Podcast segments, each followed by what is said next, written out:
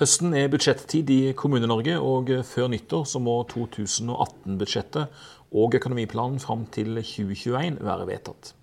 Men i Levanger der er dere ferdige allerede, rådmann Ola Stene? Ja, det er vi. Kommunestyret behandla budsjettet for neste år og økonomiplanen for de fire årene på sitt møte i september. Og dere er jo, etter det jeg har klart å finne ut, eh, den kommunen som behandla politisk eh, budsjettet ferdig aller først. Eh, og dere var jo da faktisk ferdig før statsbudsjettet, som du sier. Eh, og hvorfor har dere en så tidlig prosess eh, med budsjettet? Nei, Vi har jo hatt det de to siste årene. Tidligere var vi jo ganske på samme måte som de andre behandla det like før jul. Og det kom faktisk et politisk ønske fra ordfører og, og formannskap om å få en tidligere prosess og få det behandla ja, før elgjakta, i stedet for å få det rett inn i jula. Eh, og vi tok jo den eh, ballen i fjor og prøvde å få ferdig så tidlig at det var mulig. Og det gikk jo an. Det gikk jo an å levere i mai liksom vel som i august fra administrativt hold. Og da får jo politikerne eh, mye tidligere på høsten.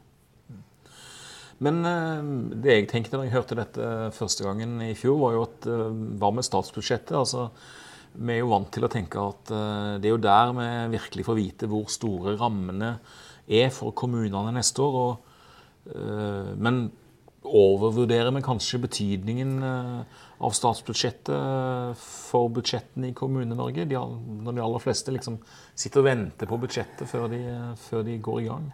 Ja, Jeg tror kanskje det er litt overvurdert. Nå er det jo litt avhengig om det er regjeringsskifte eller ikke. For har du ikke det, så har du jo en kommuneproposisjon på vårparten som normalt gir en ganske god retning for kommende statsbudsjett. da. Og den bør egentlig være nok til å, å lage en plan etter. Så kan det jo bli noen justeringer, eh, som vi jo må gjøre, bl.a. på en del gebyr og sånt som vi kommer etterpå. Og det kan jo være andre justeringer etter stortingsbehandling. Men sånn er det jo faktisk uansett. Når du har mindretallsregjering, så skjer jo ting i Stortinget òg. Så selv om du har fått dokumenter fra regjeringa, så er det jo en del usikkerheter. Så, og, så, så lenge da regjeringen holder seg til de hovedrammene de har gitt i kommuneproposisjonen, så holder kanskje det da for, eh, for dere, eller? Eh? Jeg har gjort det i, i, fjor, og det ser ut sånn i år òg. Det kom jo statsbudsjettet i går. og det stemmer ganske bra med de rammene vi har eh, lagt. Litt små avvik i forhold til skatteanslag og sånt, men det vil jo bestandig være. det er jo ikke noe de lager jo de prognosene veldig tidlig, staten òg. Så jeg tror kanskje vår prognose er vel så rett som den som ligger inne i, i statsbudsjettet. Mm. Men det at dere nå behandler det i september, altså hvilke, hvilke erfaringer gjør du deg som, som toppsjef i administrasjonen eh, med det så langt? Det, det er en stor fordel uh, når en skal gjennomføre politikken etterpå. Særlig hvis det, hvis det kommer tiltak som, uh, som krever endring, så er det jo veldig greit å ha det vedtatt før 1.10. og skal gjennomføre fra 1.1. I stedet for å få det vedtatt lille julaften eller noe sånt, og det går mye å gjøre. Så, så den sida er en fordel når en skal sette ut i livet. Og så er det jo egentlig veldig greit å bruke sommeren til den siste finpussen nå. Du må ha gjort mye av arbeid før sommerferien, men en liten finpuss kan du gjøre de rolige sommermånedene. Så egentlig så fungerer det bra. Har det vært noen eh, konkrete saker hos dere de siste par årene hvor du har tenkt at uh ja, dette, her ble virkelig fint at vi hadde den, ekstra tiden uh, for å få det gjennomført? Ja, det kan jeg si. Nå i år òg. Litt krevende omstilling innenfor uh, noe boligtiltak. For, eller tiltak for folk som må ha kommunal bolig, og som har noen sånn tilrettelagte løsninger der. Og det er en endring på gang. Uh, der var politikerne veldig usikre på om det var godt nok, det tilbudet som skulle etableres. Og da tok de et forbehold faktisk i budsjettvedtaket om forutsatt at Og det har vi jo mulighet til å oppfylle da, når vi har det tre månedene fram til årsskiftet og kan sikre alle parter, både bruker og pårørende og, politikerne, på at jo, denne skal gå greit, i stedet for at du har fått en veldig uro inn i jula, som du kan få når du får en sånn diskusjon eh, på den tradisjonelle tida.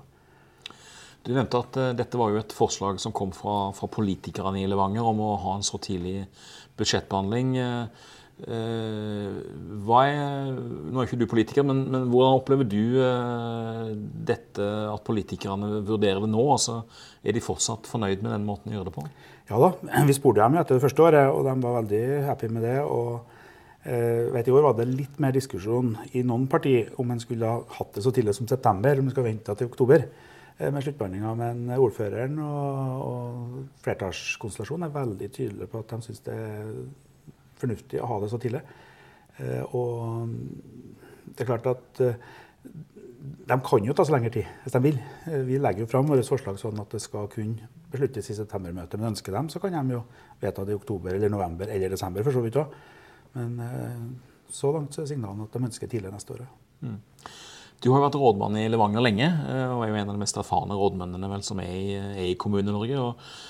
Hva tenker du, er dette en, dette en løsning som, som, flere kanskje burde gå inn på? Altså, jeg ser jo f.eks. at altså Tromsø la fram forslaget sitt i, i sommer allerede, men, men har den politiske behandlingen litt etter dere. Og en del store kommuner de har jo tradisjon for å legge seg fram forslaget før budsjettet. Eh, mens behandlingen kommer alltid sånn ja, tidligst i slutten av oktober. Men er det flere kommuner i alle fall av en viss størrelse som kan ha nytte av å, å gjøre som eh, Levanger, tror du? Ja, det tror jeg. Eh, og det er jo særlig en mulighet for å løse problematikken med økonomiplan og budsjett.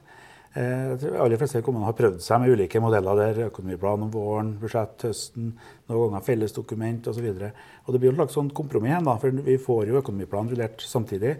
Og da får vi jo oppdatert handlingsplan i forhold til kommunedelplaner osv. Og, og, og en del av plansystemet som, som fungerer. Og det blir litt mer oppmerksomhet på det langsiktige når vi kobler det sammen og ikke så uh, opptatt av detaljene i statsbudsjettet. Så, så, jeg tror det kan gi en vel så god uh, prosess og, og, litt mer langsiktig tenking. Da, hvis du gjør det sånn, og, og, er litt uh, avslappa i forhold til at det kan bli noen avvik i, i forhold til det, det siste hestehandlene i Stortinget. For de, eh, de, vil jo komme uansett.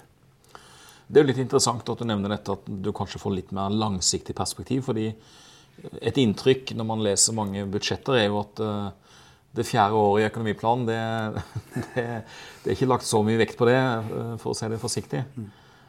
Ehm, så der, der, har det kanskje skjedd en endring, eh, sånn som du observerer det? Ja da, vi er ikke i mål, nei, men det, vi, er, vi, er, på gang. Det å, å, stresse mer for hver gang at det er egentlig en rullering av kommuneplanen og tiltaksplanene der. Så det er et, plan, et plandokument, og så er det et årsbudsjett i tillegg. Så vil selvfølgelig politikerne være veldig opptatt av, av, av den veistumpen og den liksom, konkrete tiltaket. Eh, det er naturlig. Men i hvert fall i arbeidet med det så prøver vi også og så drille dem til å tenke litt mer strategisk og langsiktig. Og jeg syns de er på vei. Mm. En viktig del av budsjettprosessen er jo at folk, eh, altså innbyggerne skal få anledning til å, til å si sin mening. og Man er pliktig å, å la formannskapets eh, forslag ligge ute i 14 dager og sånn. Hvordan er debatten eh, lokalt i Levanger om budsjettforslaget? Engasjerer innbyggerne seg, og, og merker du noen forskjell fra, fra de tidligere prosessene, eller spiller ikke det noen rolle?